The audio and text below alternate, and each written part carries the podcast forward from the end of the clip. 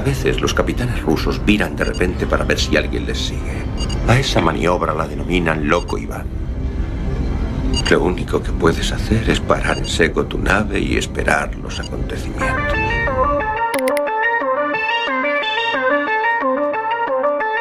Galasphere 347 of Space Patrol calling unidentified ship. Good night, Moi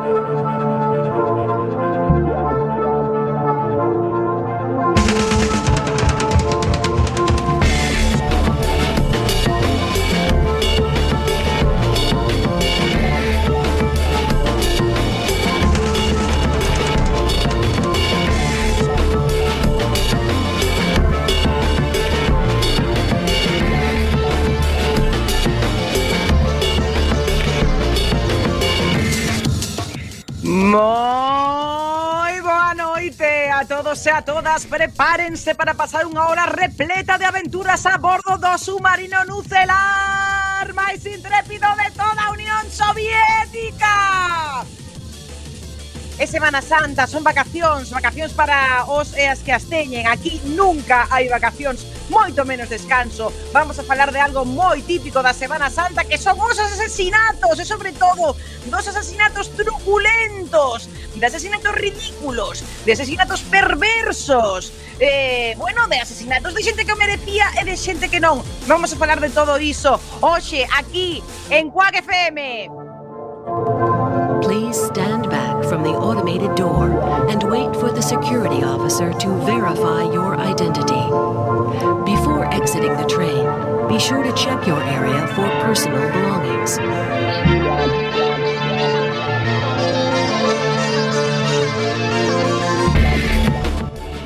E o facemos como non podía ser de outra forma co señor Bugalov na sala de máquinas. Temos tamén sacando lustros torpedos. Creo que hoxe pasou algo por Estados Unidos cerca do Capitolio, señor Lamelov na sala de torpedos. Boa noite, camarada. Bueno, nosos asentes que traballan sen descanso, xa sabe vostede. Por suposto tamén temos na biblioteca facéndose La van a liar así con, con, con algunha páxina de algún libro perdido está o noso querido Tovaris Mendrellev. Boa noite a todas e a todos. E por suposto aquí, a miña esquerda, civilinamente, afilando os coitelos que soe ter engardados dentro dos calcetins. Aí está a malvada Tovaris Beosca. Moi boa noite. Moi boa noite, sempre disposta a falar de execucións e a executar execucións ou o que faga falta. Saudamos a capitana Sletana Ibar Urístole e Loco Iván. Comezamos.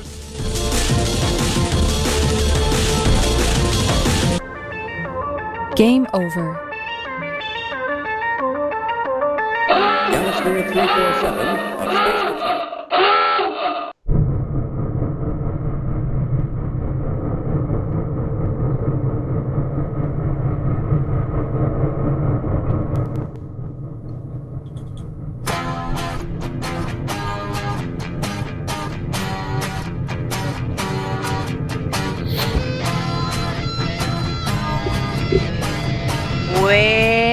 noite de novo a todos e a todas se nos estás escoitando en directo e Benres, Benres Santo, festivo para o que o teña, eh, 2 de abril, faltan só 18 días para o 20 de abril. E xa saben que eso é moi importante para todos. E todas as seguidoras de Celtas Cortos Sei que todavía queda Menos mal algo que non temos aquí a bolseira, que senón que aí se sí que ia haber execución. Foi o primeiro que pensei o entrar este mes. Eh, antes de nada, por suposto, eh, oye, tanto se nos estás escuitando en directo como se nos estás escuitando en diferido, ti podes deixar as túas mensaxes de odio cara a esta tripulación e o podes facer onde, señor Lamelov? Pois nas redes sociais eh, Temos dúas redes sociais capitalistas, que son Facebook e Twitter, e aí é arroba locoivancuac. E se queres facelo nunha rede soviéticamente soviética, na que pois, estou prácticamente só, eh, Mastodon, pois locoivan, eh, co arroba diante tamén. Perfecto. E se nos quixeran chamar xa as persoas que nos están escoitando agora mesmo en directo na sintonía de Cuac FM, se alguén nos quere chamar en directo, se nos quere contar os seus desexos de, de asesinar a alguén, pois claro, ao mellor despois temos que temos que alertar, non? Se vemos que vai así moi en serio. Eh, pero, a onde poderían facelo, señores Mendrellev? Por favor, todos aqueles que nos queiran dirixir as súas ameazas de morte, eh, de atentado truculento, etc, etc, etc, ou en xeral o seu descontento co, coas nosas actitudes pouco integradoras, chamen o 644 737 303 644 737 303 Xa está? Así de facilongo. É que tiven aquí un tiven aquí un ataque un ataque gatuno durante un momento e me despistei do que estamos, que este importantísimo programa hoxe sobre execucións comeza un home que ten moitas execucións ás súas costas, todas de xente que o merecía, todas de, de, de persoas que se, que, se, que se separaron do recto camiño do, do comunismo. Sí, é que empezas a executar e un non parar, é que vamos, teño un, un vicio, en fin. Vostede xa sabe que me, que me refería vostede o señor Lamelov, que está, eh, pois eu cando digo que está sacando brillo a, aos torpedos, pois ás veces imagino cousas cousas dun de índole, sí, cousas de índole, un pouco cerdo, pero pero a mí me gusta pensalo. Así que por favor, eh, coméntenos as súas execucións favoritas. Bueno, do sacar lustre totalmente certo, teño que recoñecer. Así que se o camarada Bugalov me dá aí cousas de moito dar, pois sigo sacándolle lustre ao... Mujerador exige saber por qué haber hombres en su planeta. Fue un accidente. Eso no es computable. Mujerador regresará después de decidir vuestro castigo. Lila, estoy harto de burlarme de las mujeres. Ahora quiero que me ayuden. ¿Hacemos algo? No hay prisa. Oh, sí, un poco más prieto, más prieto. Un fuerte azote sería lo suyo ahora. ¡Ay, demasiado fuerte! ¿Hombres extraños tenerlos en vuestro planeta? Me temo que sí. ¿Para qué servir? Oh, ¿referirte a kiki?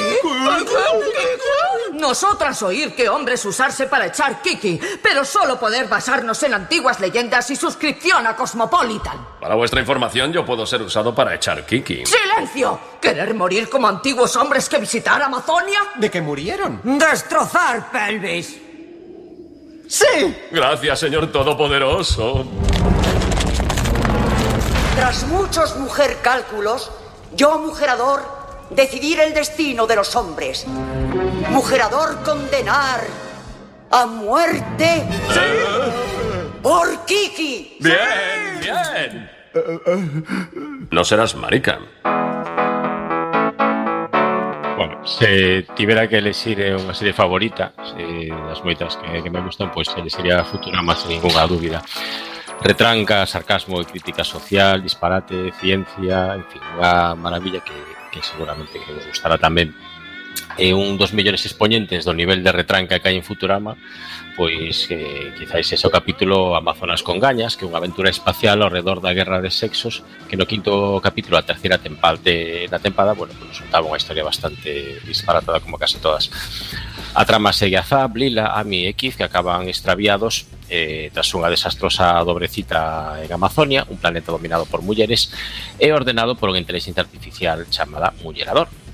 A cousa complícase cando entra en escena o rescate Fry e Bender, que do mesmo xeito que os outros dous homes do grupo os caen prisioneiros das Amazonas. O castigo para estes que insisten en ridiculizar as actitudes femininas, salvo Keith, que só trataba de aparentar unha imaxe de hombría que lle recomendaba Zap, é a execución sumarísima, aita que é unha moi particular, a morte por Kiki, unha idea que non termina de desagradar eh, aos asusticiados, e eh, a verdade é que non entendo por qué, porque, bueno, eh, poño aquí porque un tipo de asustizamento que é descoñecido para mí, non sei en que consista, verdade? Será algunha especie de mallera morrocotuda, non? bueno, a ver se nas redes sociais nos aclaran de que pode ser esta morte.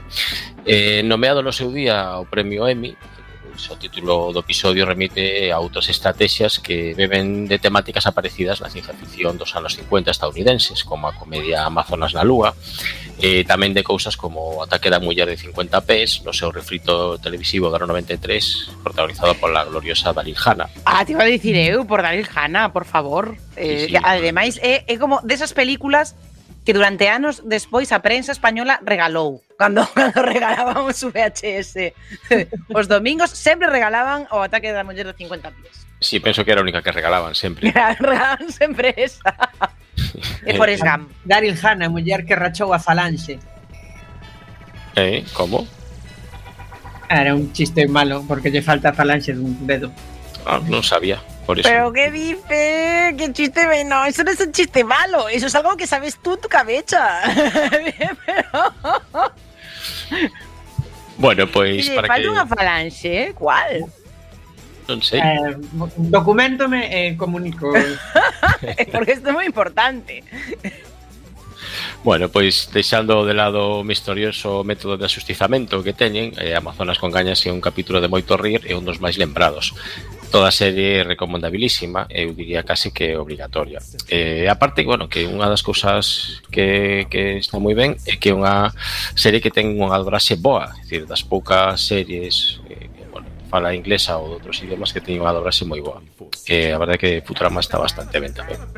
Futurama está bastante ben, aunque eu creo que nada na vida superará a dobraxe da Nani na televisión oh, de Galicia.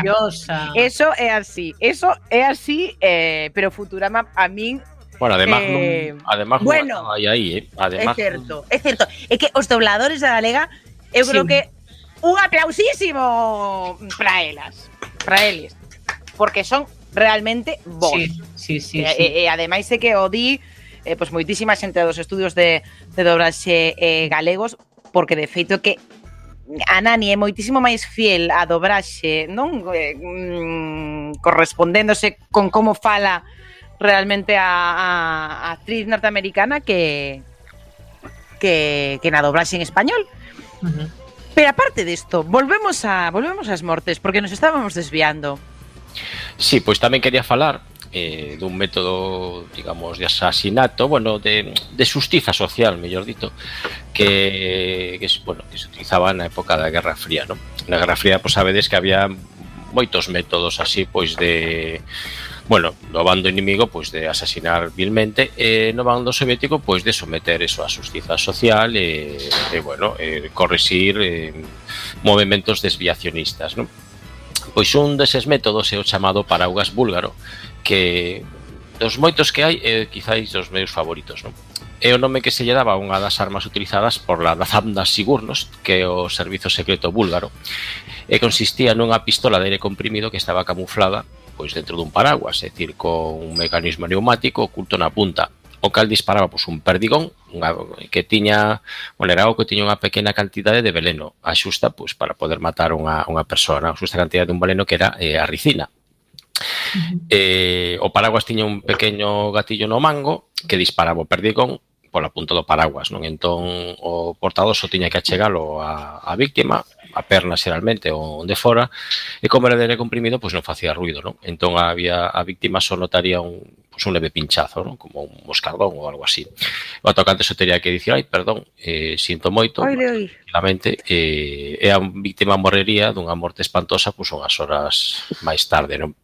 Tamén é certo que só poderías matar en días de choiva. Bueno, depende, hai moita xente que vai co paraguas aquí a todas partes, incluso dentro do submarino. Bueno, a ver, Castelao, pero eh, realmente sería complicado. Pero aí hai xente, de feito, seguramente se, se empezamos a tirar de zanfoña toparemos a moita xente que vai co paraguas e co bañador na outra man. Entón, Tamén é certo, hai, hai todo caso. Pero ah. bueno, aquí, por exemplo, en, en Galicia, pois pues, sería eh, un arma todavía a explorar. Sí, de, deberíamos darlle unha voltiña aí eh, porque podría ser bastante bastante útil. Ademais, eso, a ricina é unha sustancia que é bastante doada de, de conseguir, que se extrae da semente de ricino, e das máis tóxicas que se poden atopar, non? porque depende da, da dose e do método coa, se, coa que se inocula, pode causar numerosas desfeitas no organismo, non? desde coagulación do sangue ata fallos multiorgánicos e multiorgásmicos. De Como la AstraZeneca. bueno, a, a ricina saltou moito a fama por esa serie que denosto tantísimo que Breaking Bad. Ah, sí, é certo. Mm. Eu eh, quero dicir na miña na miña monguerida que estaba todo o rato pensando no aceite de ricino. Mm. Entón eu dicía, bueno, se non te disparan ben como moito terás unha, unha cagalera mortal. O sea, se, Pero se, ten que ver, se non te dan adecuadamente, se non te dan a dose, pois pues polo menos te joden ben, sabes? Porque sí. A ver, te cagas en todo, seguramente. Un día de choiva, toma. Claro pero sí que ten que ver porque xa digo, da semente do ricino, de do mesmo do mesmo sitio onde se extrae o aceite de ricino. Supoño que por eso daba tanto tanto chungo aí o aceite de ricino, non?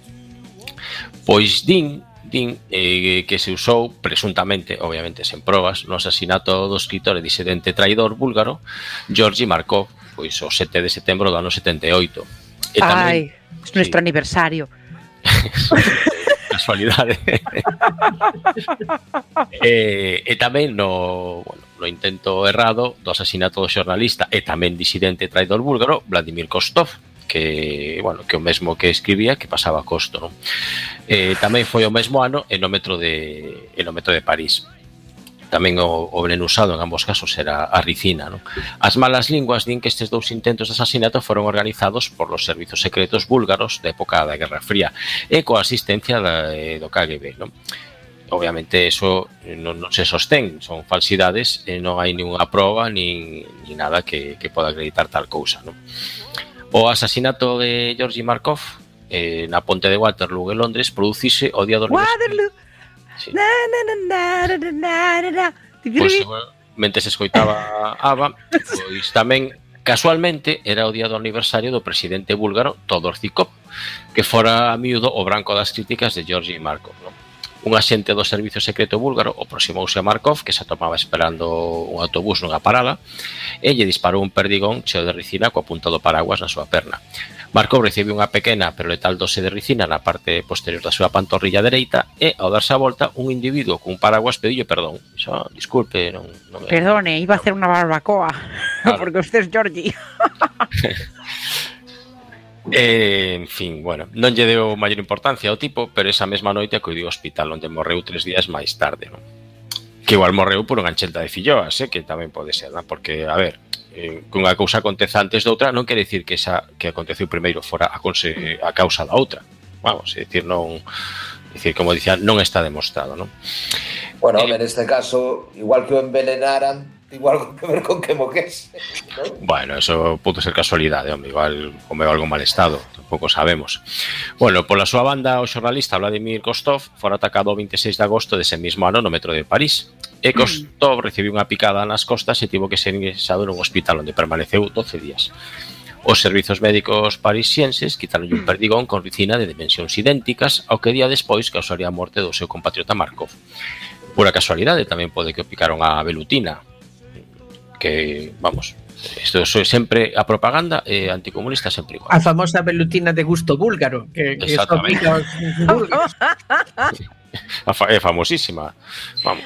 Ah, bueno, pois, estes casos inspiraron a película francesa do ano 80 eh, que se chama O golpe do paraguas que foi dirixida por Gerard Ouri e protagonizada por Pierre Richard. É unha comedia, por certo, non é esperanza nada, pero unha que película que eu descoñecía totalmente, debo dicir, e que agora non teño máis que ganas de, de vela. Pois si, sí, ainda a podes ver que está por internet, incluso creo que está en YouTube con, con subtítulos e versión original francesa. E logo tamén sai nun capítulo do, da serie de Américas, que é unha serie que está moi ben, e o episodio chamase The Clock, o reloxo. Non? E aí tamén sai este, este método de, de corrección de corrección política. Vale, tan... un método de corrección política que recordemos pois só se pode só se pode emplear en, en días de choiva ou en, Así é Porque ti imagina, en Coruña sería difícil, porque ti levas o paraugas un día venteado e podes podes matarte a ti mesmo. Claro. Te, te dá a volta e la vas. Ou podes asasinar a quen non é. Claro, claro, claro, pero bueno, o xa de asesinar, pois non te asesines a ti mesmo, porque entón mm, xa é Mal suicidio. asunto, mal asunto, mal asunto. Eh, por certo, que estou recibindo eh, mentalmente eh, ra, eh, ondas cerebrais dentro da sala de radio que nos din que o señor Bugalov xa sabe eh, a falanxe que perdeu Daryl Hanna. O, a do, dedo índice da man esquerda. Dedo índice da man esquerda. Xa non o ten. Eh, algún, algún famoso máis con falta de falanxes? A falanxe, a falanxe por o xeral é algo que sobra, non, non ten utilidade ninguna. Ay, ay, ay. Almudena Grandes, tu hija. ¿Qué estás haciendo con esa hija, por favor? Que lle faría para sair así? Ai, A ver, A ver. entendámoslo, a xuventude que velde, entón, pois, quere facer Bueno, neste diferente. Eu que sei, Bueno. entrar nunha comuna hippie, facerte falangista, pois, É que hoxe pois eh, tiñamos esa noticia de última hora de que a filla da gran escritora Almudena Grandes pois non non perdeu falanxe, senón que eh, se reengañou falanxes. E de... Igual a topou a que, a que deixara por aí tirada Daryl Hannah. Efectivamente, eh, pois parece ser que concurrirá as, as xa gloriosas ou míticas, polo menos, eleccións do 4 de, de maio de Madrid, que a ver que pasa, porque, porque a verdade que o certo que eu non recordo unhas eleccións eh, que xa sen, sen, sen, sen entrar en campaña xa estamos mm, todo dios eh, vamos, as eleccións en Madrid que nunca nos interesaron moito por aquí pois pendentes do que, do que vai pasar Eu, eu que non, o que non vin nunca foi unhas eleccións con tanto tolai candidato ao asunto. Efectivamente, pois teñen, oh, vamos, o sea, a, a, mm, eh, eh, que, que son fantásticas, home, que isto, eh, que isto ninguén o pensaba, que, que se pudera facer unha selección tan brillante. Eh, señor Lamelov, algo máis? Algún asesinato máis? Eh, non, non, eu xa asesinei abondo por hoxe. Pois nos vamos cara a un home que seguramente nos vai a contar asesinatos ancestrais, asesinatos Mm, atávicos, asasinatos que ocurriron hai milleiros mm, na noite dos tempos, que é unha frase que lle gusta moito a Feijó dicir na noite dos tempos. Señor Esmendrellev. Bueno, Pois, eh, como todos sabemos, hoxe celébrase unha das execucións máis famosas da historia, a de Jesucristo, non? E, e foi por un método de execución que tamén foi dos que máis xente matou na historia, non? A crucifixión non é un sistema, non é que fora moi original, os romanos, non, porque tamén se facía aí por Xapón e en outros países, pero sí que era unha zona, pois, unha forma moi típica de, de matar por todo o Mediterráneo, e que les usaban, pois, de forma masiva. De feito, na antigüedade, o que podemos chamar unha execución de criminais a, a máis abondosa, foi eh, cando eh, na época da, da terceira rebelión servil, a mítica de, de Espartaco, Eh, pois no 71 antes de Cristo foron executadas 6.000 personas, 6.000 destos eh, revolucionarios ao longo de toda a vía Apia de Roma. Aproveito este momento para que comentar a sempre boísima película eh, de Stanley Kubrick, basada na novela homónima de Howard Fast, Espartaco, a perito moi boas críticas. Que xeito de, des, de deforestar, non? Mais a lo loco. Estaba pensando eu. En plan, miren, a xente de Ence, por favor. Home, igual logo aproveitaban os paus para algo. O sea, de feito, eran moi desos romanos, eh? de, eles gustaban as cousas de execucións e tal, eh, dos mortos en xeral, para facer meiguerías. De feito, unha cousa común era que nas loitas de gladiadores, a sangue dos gladiadores era aproveitado, por exemplo, para as bodas. Dicíase que era un rito de fertilidade adecuado, pois eh, darse unhas gotiñas así de, o de gladiador, e utilizaban o sangue dos, dos Pero bueno, en calquera caso, quero comentar sobre todo a película, a novela de Howard Fast, bueno, vaya por dios, os historiadores non están moi, moi de acordo co que, co que hai aí, Pero vamos, que ao longo da, da historia houve moitos outros métodos de, de execución eh, que son salientables. Eh, un deles un deles moi coñecido é pasar pola quilla. Sona vos este, imagino, das, das pelis de das pelis de mariñería, e que a xente ás veces confunde con outra costumbre máis piratesca que é pasar pola tábua. Non sei se coñecer as diferencias entre un e outro castigo. Sí. Pois pues non, pois bueno, pues non pues, lo sé. Que non bueno, lo sé. Pois basicamente, lembrades que fai pouco inda que come banda unha novela que aproveito para, para volver a... a Eu me pido a boa, eh, que conste.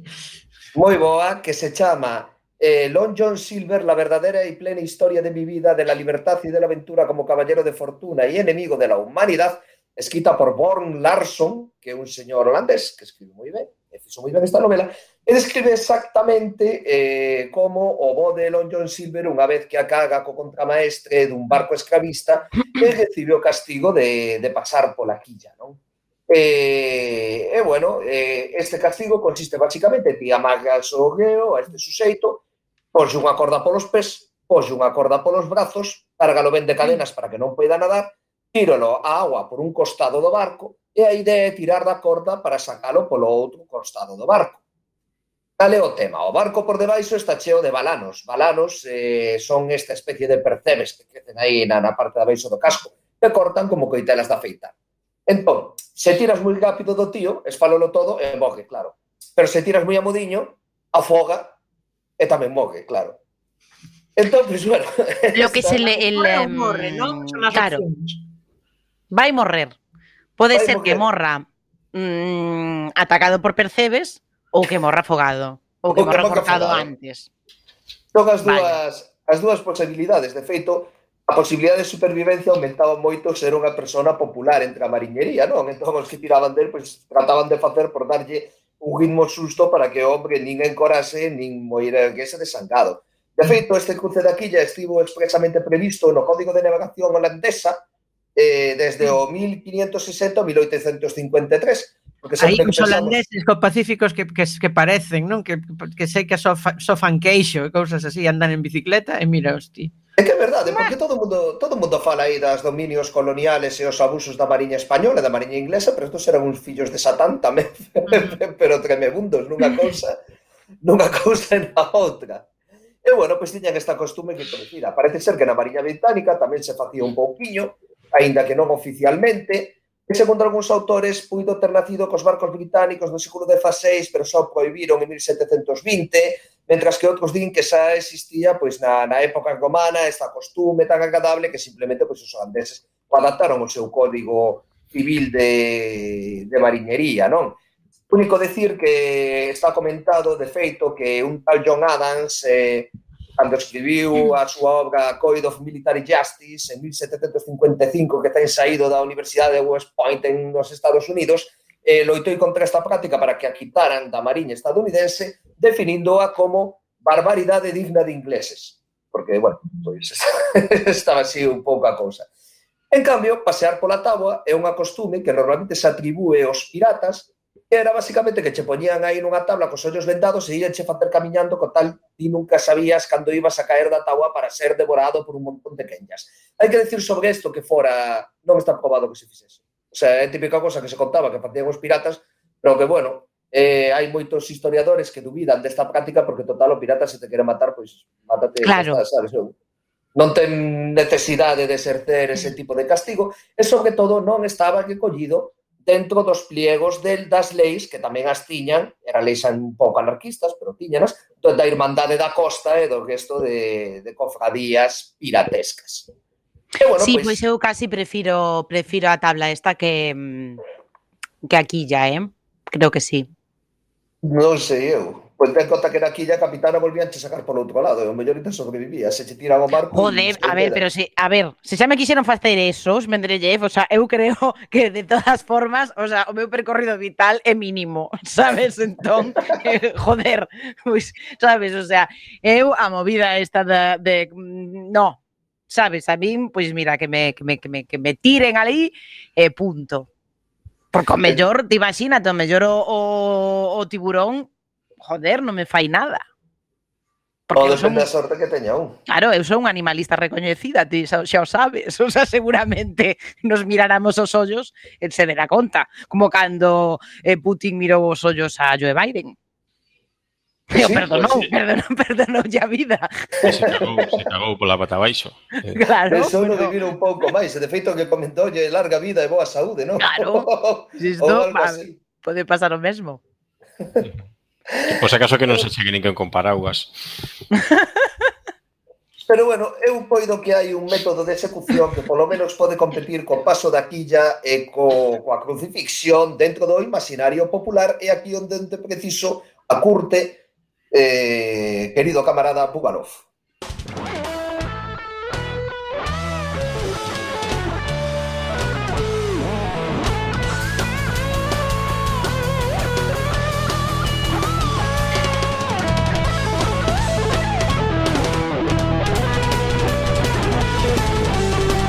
pois eh, seguramente que coñeceredes esta versión un tanto bastarda e eh, macaca da, da marsellesa, Porque evidentemente vamos falar de franchutes, os franchutes son outra xente con moi boa fama, non? Que fixo unhas cantas cousas boas, pero que, bueno, tamén tiveron unha cousa chamada o terror, que foi, bueno, pois unha serie de cambios sociais que houbo nese país, non? Que tivo a parte positiva de quitar de medio todo tipo de bastardos nobres, borbónicos, austrias e demais entuza que pululaba por aí, pero que tamén implicou a morte de, de milleiros de personas. De feito, o último, só no último mes donde eh, existiron execucións eh, dentro deste período de terror que foi inspirado polos jacobinos nun inicio, pois morreron 1.300 personas executadas polo, pola guillotina, non? Curiosamente, neste último mes, maiormente os que morreron, pois eran sacovinos, que foran os que empezaran todo isto, co cal, pois pechouse un pouco o círculo, non? E sobre esta época... Esa é a xente que se autodefine como liberal, non? Sí, é un onanismo... Por puntualizar. sí, algo, algo así, non? A ver, en certo modo, unha especie de, de justiza poética. E nada, pois falando de, do terror eh, e desta época de Francia, pois vou recomendar a sempre boa película de Escaramuzo, unha película de aventuras estadounidense de 1952, está basada na novela homónima de 1921, escrita por Rafael Sabatini, e que foi dirixida por George Sidney e que contou cos actores Stewart Granger, Eleanor Parker, unha gran película. A mí gustame moito, xa sabedes que eu son de cousas bellas e gracias. Entonces, esa, esa, esa, pensei, que ibas, pensei que ibas falar do, do sistema de, de afeitado es, especialmente apurado que usaban Robespierre en, en compañía. A iso, a iso, a iso imos. Ah. o caso que o uso da guillotina foi introducido por un cirusano francés que se, llacha, que se chamaba Joseph Ignace Guillotin. Que, bueno, o caso que o tipo non inventou a guillotina ni nada, que estaba máis que inventada desde a Idade Media, pero Tipiño era diputado da Asamblea Nacional e que comandou a súa utilización. E, bueno, a ser, sabedes que hai unha lenda urbana que di que o que inventou a guillotina Mogueunela, eso non é certo, inda que hai un pequeno chascaquillo histórico que, que logo comentaremos, non? Porque este home non só non a inventou, senón que además o tipo estaba en contra da pena da morte. Pois o tipo era un cirusán, era un científico, era unha persona honesta, el non quería pena de morte ni nada, pero como ali estaban todos por empezar a matar xente, pois dices, bueno, joder, pois, se os imos matar, pois trataremos dentro rápido, do posible. Claro. Exactamente, que sexa algo humanitario, non? Hasta ese momento o que facían era enforcar a xente. Hai que ter en conta que o tema da guillotina foi unha democratización da morte en Francia. Porque antes deso non se executaba igual a un nobre que a un plebeyo. O plebeyo era enforcado e o noble era decapitado normalmente cunha espada ou hacha ou, bueno, por estes sistemas típicos medievais que se supoñía era menos, menos cruento e sobre todo menos indigno. A ver, non, non, non estou eu tan seguro. Non estou eu tan segura, porque, hostia, é un pouco tre... eh, bastante, nos está quedando o programa un pouco tremebundo, pero joder, o sea, co... o sea, quero dicir, o mellor cun, cun hacha non, non, non morres, non morres dunha vez. Depende do filo. Por, por eso. É da puntería. Do tipo que amanexa. Claro, claro. Mm. Se pode Bueno, dar unhas- peo. É unhas cuestións fisiolóxicas isto, eh? Bueno, bueno te iba a decir, eh, claro, é, é outra cousa. que sí que son, que sí foi un tema democratizador porque de pronto ali se se mataba todo Dios igual. Daba igual que fora o rei de Francia ou un violador calquera do acabal de París. Ah, non estábamos falando do mesmo. Cando tú decías cuestións fisiolóxicas, pensei que te decías que, bueno, que era máis indigno a forca, porque seguramente, pois, pues, logo... Eh, te vayas pues sí, pola efectivamente, vos porque saís pernesando índote pola pata. Claro, que, por eso dicía o mellor pois a xente pois dicía, "Oye, pois pois moito eh, máis digno que a guillotina, non o sei, eh?" A cuestión, a cuestión é que, de feito, houbo moita polémica nese momento porque empezou a discutirse nos círculos científicos de Francia se a xente mantía, mantiña un certo tempo a consciencia, de aí ven o tema que comentamos da fisioloxía desde o momento que lle cortaban a cabeza. Porque ninguén dubidaba da eficacia da guillotina. É Claro. dicir, eso, Indubidable. a afeitadora esa, pois colle, cae, leva un peso, cae a cabeza no cubo, collena, enseña a seta, a seta aplaude, todo eso. Porque, de feito, foi un movimento de masas. Foi algo que entre eles, hasta tal era punto así, que se puso de moda entre a xente da burguesía, entre as mulleres, levar eh, pendentes que tiña pois como pequenas guillotinas, eh, que galaban xoguetos aos nenos, etcétera, etcétera, etcétera, non? O tema merchandising disparado. Que pena que non tiveran Instagram, sí. Pero tiveran? Instagram, aquela. No, home, eso iba a ser a hostia. Estou seguro de que iba a estar aí poñendo que iba. Facíase famosos porque eran eventos sociais e, de feito, había unhas mulleres que parece ser que eran unhas bellas brusas que salen moitas películas destas de época que eh, chamaban as telledoras porque estaban facendo calceta as tipas eran moi afectas a isto das execucións do terror, estaban sempre en primeira fila, pero tal que lle salpicaba calcetando. Pois unhas doces velliñas ali na pois, francesas, elas tamén moi libertarias. O caso é que houve sacaban sacaban un sacaban un cartel coas puntuacións como nos saltos de trampolín, non? O sea, tres voces exacto. 9 con 4, 9 con 4, 9 con 4, 9 con 9. O caso é que chegou a decir este, parece ser este Sidu Santi, bueno, pois entón fagámoslo así, porque nun parpadeo decapita xa persoa que non sente máis que o frescor da coitela. Igual non estuvo moi acertado escollendo as palabras sobre Sidu Santi A cuestión é que a confirmación desta teoría humanitaria debíase en parte a un libro chamado A morte por decapitación, que foi publicado polo fisiólogo francés Paul Loyel tras un estudio de corpos guillotinados e moitas pruebas con animaliños que culpa tenían os pobres. Joder! Porque, porque eran así, estos franchutes eran científicos. Facían, científicos eh... psicopáticos, pero científicos, ao fin e ao cabo. e, de feito, eh, chegaron á conclusión dese obra que a guillotina era de pena de morte máis humanitaria e que a pérdida inmediata da cabeza, pois que efectivamente que causaba morte tamén a pérdida da consciencia pola baixada de presión sanguínea e demais, non? E como no século XIX o fin debería justificar os medios, eh, pois eles, eh, vamos decir, en que consistiu o estudio, non? Básicamente, este fixo diversas entrevistas con verdugos confirmando que de cada dez suxeitos só había un que fora máis ou menos enteiro. Suplicio, non, creo que estos se iban tan cagados que xa estaban mortos de medo, xa, xa non sentían nada, non? E, e de feito, para votar por Tega, as teorías que circulaban sobre a posible vida durante uns segundos ou minutos na cabeza unha vez cortada, eh, pois el dicía que pediu a varios condenados a guillotina que chuscasen os ollos despois de ser guillotinados. Parece ser que ningún guillotinado quiso facerlle ese favor, entón deu presentado que non sentían nada. Bueno, porque a mellor tampouco querían colaborar. ¿Sabes? Claro, Yo así, quita encima. Ahora te jodes. Ahora que te jodes. Claro. Claro. Eh, no, De feito, que tal cual, eu pensei o mesmo, sabes? Se fora un tío que lle va a cortar a cabeza, oe, ses Metrellev, mira, vas facer un favor pola ciencia, e xa de paso, pois, chuscas un pouco os ollos, sabes que dates consciencia, comentan, no? E tal, non? Bueno, a cuestión que él eh, decía o médico este que eso avalaría a súa teoría acerca de que o verdadeiro dor non asente no ser guillotinados, senón nos momentos previos nun dolor moral, e que non era nada máis que eso. Uy, es que el dolor moral. Acojone. El dolor moral no hay otra cosa peor. El dolor moral. Vamos, o sea. Mm, eso penso eu, capitana. Pero que había de cerdo honesto, non? Había moitas lentas ao quedor. Antes comentábamos unha lenda urbana que dicía que o doutor Guillotín foi executado pola súa propia máquina. É un rumor falso, a causa real da morte foi que un carbunclo, bueno, un, unha bacteria nun ombreiro que se lle xerou unha intoxicación do sangue, esta lenda urbana podería propagarse debido a que unha persona co apellido Guillotín, eh, un médico de Lyon, si foi executado na época do que na guillotina, non? Pero realmente si hai unha especie de, de cousa curiosa aquí, porque En asinou o decreto en 1792 polo que se establece a decapitación por guillotina como medio universal para impoñer a pena de morte foi, irónicamente, Luis XVI, que Ai. menos dun ano despois, efectivamente, o Geixol, eh, guillotirano, no? eh, foi o que aprobou esta lei como, como método oficial en Francia. No? Por respecto á pervivencia das cabezas, pois eh, son animais está bastante contrastado. Por exemplo, 2014, eh, informouse de que un chef chinés falecera tras ser picado por unha cobra que ao que lle cortara a cabeza para facerle pepitoria como solen facer os chineses, non? 20 minutos antes. E que ainda así, pois, ainda tivo tempo de picarlle, intoxicalo, matalo e tal. E, de feito, hai moitos relatos de xente que manifestaba contraccións faciais, eh, chuscaba os ollos, facía cousas despois de decapitar.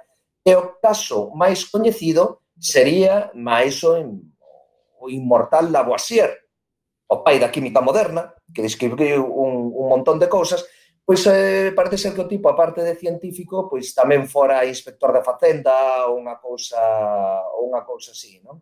Eh, de feito, foi arrestado por, este, por esta creación que recadación de impostos no 1793 e a xente importante fixo todo posible por salvalo, non? Cando todo o traballo que Lavoisier fixera foi exposto a corte, dice que o presidente da Corte de Execución pronunciou unha frase que se fixo famosa en Francia, que a República non precisa científicos nin produtos cúmicos. A acción da justiza non se pode deter. Nada, mandaron a, a decapitar e Lavoisier foi guillotinado o 8 de maio de 1794, aos 50 anos de idade. De feito, outro gran científico e matemático, Lagrange, conocido polo famoso teorema, dixo o día seguinte, Tardou un momento en cortarse a cabeza a este home, pero quizáis nun século non volvamos a ter outra comparable a ela.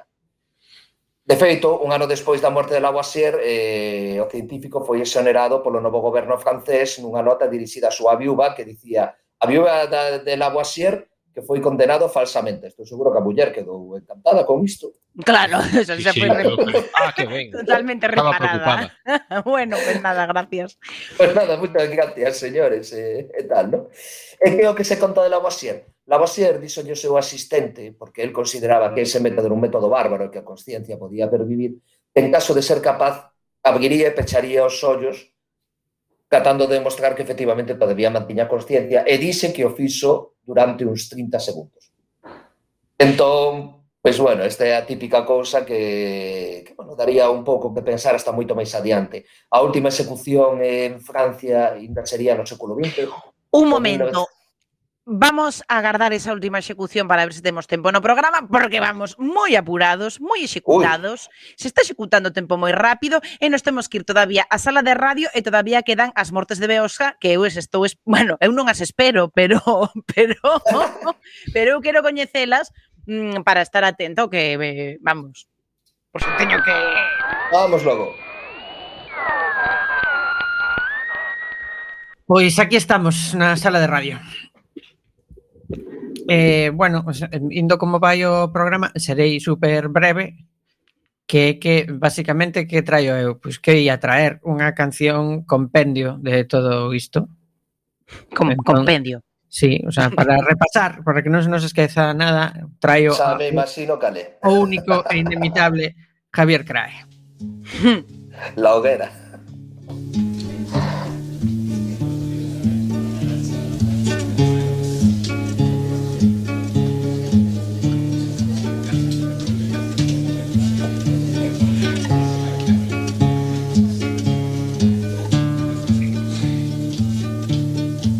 Es un asunto muy delicado, el de la pena capital, porque además del condenado, juega el gusto de cada cual, empalamiento, lapidamiento, inmersión, crucifixión, desuello, descuartizamiento, todas son dignas de admiración. Pero dejadme, ay, que yo prefiera la hoguera, la hoguera, la hoguera. La hoguera tiene, qué sé yo, que solo lo tiene la hoguera.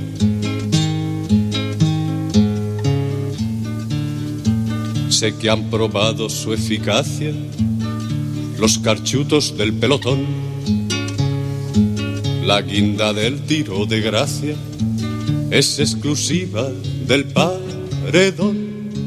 La guillotina, por supuesto, posee el chic de los franceses.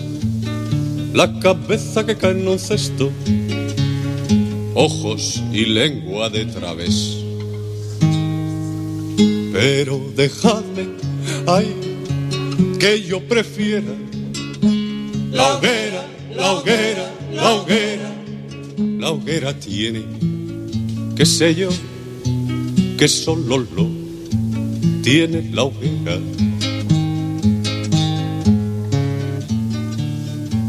No tengo elogios suficientes para la cámara de gas. que para grandes contingentes ha demostrado ser el as. Ni negaré que el balance o de la horca un hallazgo es, ni lo que se estira el reo cuando lo lastran por los pies. Pero déjame, ay, que yo prefiera la hoguera, la hoguera, la hoguera. La hoguera tiene, qué sé yo, que solo lo tiene la hoguera.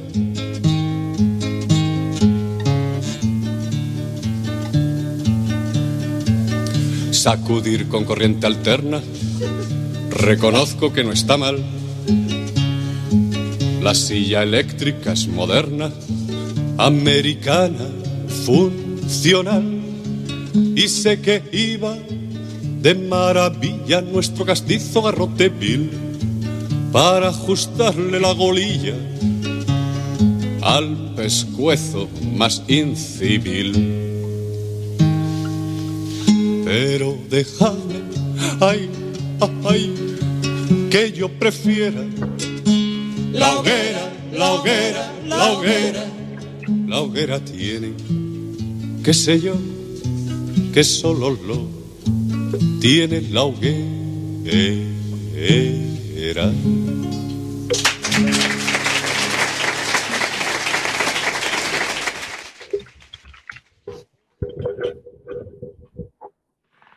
Que ben.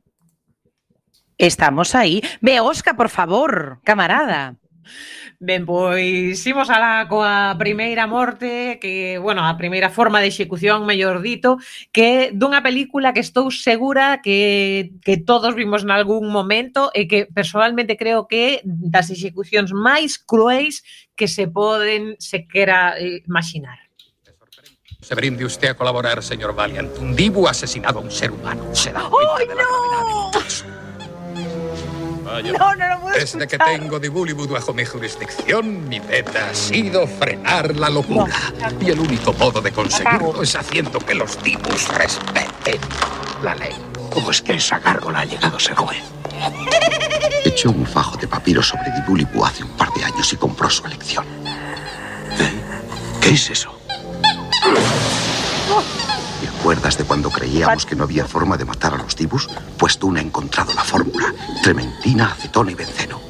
Lo llama el baño. Encontraré al conejo, señor Valiant. Luego le juzgaré, le hallaré culpable y le ejecutaré.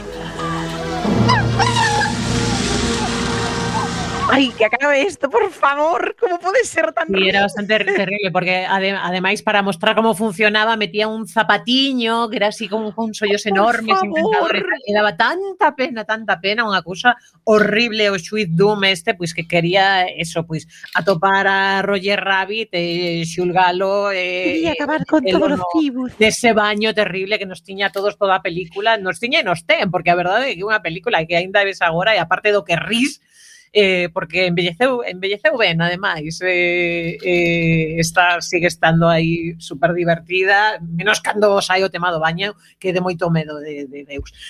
Mm. Eh, continuamos eh, con Vikings, coa Águia de Sangue, home, que había que falar desto, por certo, eh, unha versión do tema principal pola Gold Rush Studio Orchestra, Na área de sangue, pois xa sabedes, primeiro te inmovilizaban, logo eh, facían un corte a cada lado da columna, eh, abrían isoben, abrían a carne, eh, quitaban as costelas, rompéndoas eh, delicadamente con un machado, e logo extraían os pulmóns para deixalos colgando sobre as costas como se fosen as. Teóricamente, os vikingos facían iso. Bueno, hai versións alternativas que din que en realidade o que facían era esculpir nas costas a silueta dun as as e botar sal que fode, bueno, pero, que non pero claro, o, a ver, por non é peor, eh, porque Eh, ou que o que quitaban no, era eu creo que te saquen no, para fumar as asas, é peor. Vai, vai aí aí. Pode, pode botar sal é moi cruel. Eh. De todas formas, o, o que pensan é que igual eh, todo isto era bastante inventado porque no probas, probas non hai. Era unha sociedade con pouca escritura. O primeiro eh, que se fala nesto é eh, nas sagas nórdicas, que son relatos épicos, que eran cantadas no século IX, non foron escritas ata o XII, e que conteñen posibles referencias á guía de sangue. Pero isto xa foi na época cristiá, eh, cando Normandía estaba xa eh, baixo o IO de católico que lleguimos facer. Eh, entón pensan que podría estar exagerado, eh, era un tema de demonización dos antigos deuses e eh, os, an, as, os antigos as antigas sociedades da, daquel, da, daquel lugar. Tamén pensan que poido ser unha interpretación errónea do idioma. En todo caso, o que din a, a, a nivel arqueolóxico é que non hai probas, non, non deron atopado un corpo que presentase pois eh, eh, eh pois eso, probas de, de ter sufrido un águia de sangue, pero bueno, mm, bueno con pero sí... primeiro funciona, é moi efectista. Si, sí, as houbo de outros tipos de execución que si sí practicaban, normalmente estrangulamento, non? Creo que era o que lle sí, aos tipos estes. Home, que ninguén dixo que fosen aí uns, uns seres delicados, eh, como a libélulas, non sei. Seres no. de luz. Sí, A no. ver, é que isto é todo culpa mm, mm, da serie, que, joder, pois como son tan guapos. Se lles perdona todo. a ver, a mí non me gusta, joder, que son feminista, non podo facer esta, pero bueno, é que así, é que así. E, e bueno, eh, xa pasando moi rapidamente a, ao que era o meu favorito, que era o esfolamento, que é arrincar a pel. Eh, que por certo non sabía que era esta palabra para arrincar a pel. Eu escuitaba en pratos combinados, que é o que estamos escuitando nunha, non nunha García. Ana, no vou te esfolar. Eu pensaba que era así como vou te machucar ou unha cousa así. Resulta que non. No, no, pois pues, é, pois pues, efectivamente. Vou te arrincar a pel. Eh, E bueno, en principio era un método de tortura, pero dependía tamén da cantidad de, de pel que te quitasen, porque claro, aquí se, se quitaban moita, aparte claro. de que morrías de frío, porque o, o noso aire acondicionado, a pel, para manter sobre todo o, calor, o, o caloriño, eh, la, el caloret, eh, pois tamén as infeccións, pois imaginade, pero bueno, é algo que se ven utilizando polo menos polo menos dende, dende os asirios, pues, aztecas, chinos, exiptos, na Europa medieval, bueno, utilizou todo demos aquí. Fimoses. Eh, podemos lembrar a Aníbal Lecter, eh, ah, a verdad. Xente para poñer a súa pel en riba da, da súa cara, pois para... Non, non, no, pero eu creo que aí Aníbal Lecter non era era o, o malo do silencio dos, dos cordeiros, que non era que non era Aníbal Lecter, era... Non? Non estou, estou eu equivocada. Era Aníbal Lecter, no silencio, no silencio. No, pero no silencio dos cordeiros Aníbal Lecter axudaba a Jodie Foster a coller sí, sí, a un asesino axudaba. serie a un, a un asesino en serie que era o que lle sacaba a pele, eu creo, as, as, as No, víctimas. no, no, había un momento dado, o final da película, el para fuxir... É verdade, é verdade, é verdade. Co, co pel de alguén.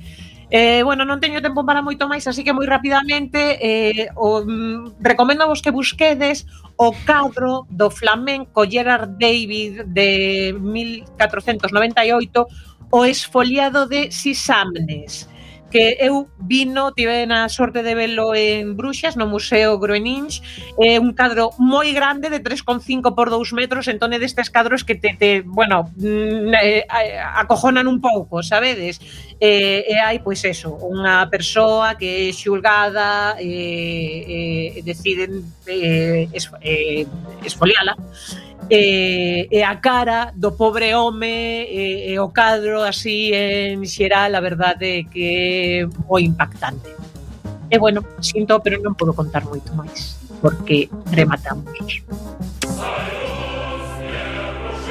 Ois queridos e queridas amigas xa sabedes desfoliaros exfoliarvos é dicir sacade os graniños Pero nada máis, non fagades máis, simplemente pois pois sacadevos os puntos negros, sacadevos o acné, exfoliaros, pero pero non pero non fagades mal, non esfoliedes, non esfoliedes a xente. Bueno, nada, que o pasedes ben, que este programa xa sabedes que falamos de mortes, pero de mortes que non vamos levar a cabo porque ningún dos nosos ouvintes é un psicokiller. Así que, queridos amigos e amigas, Pois que vos queremos moito, que bebades vodka con moderación, que manteñades a distancia social, pero que non teñades distancia co comunismo que nos une e nos vemos, nos escoitamos, nos queremos dentro dunha semana. Pasade moi ben, moita forza e moito cuidadiño.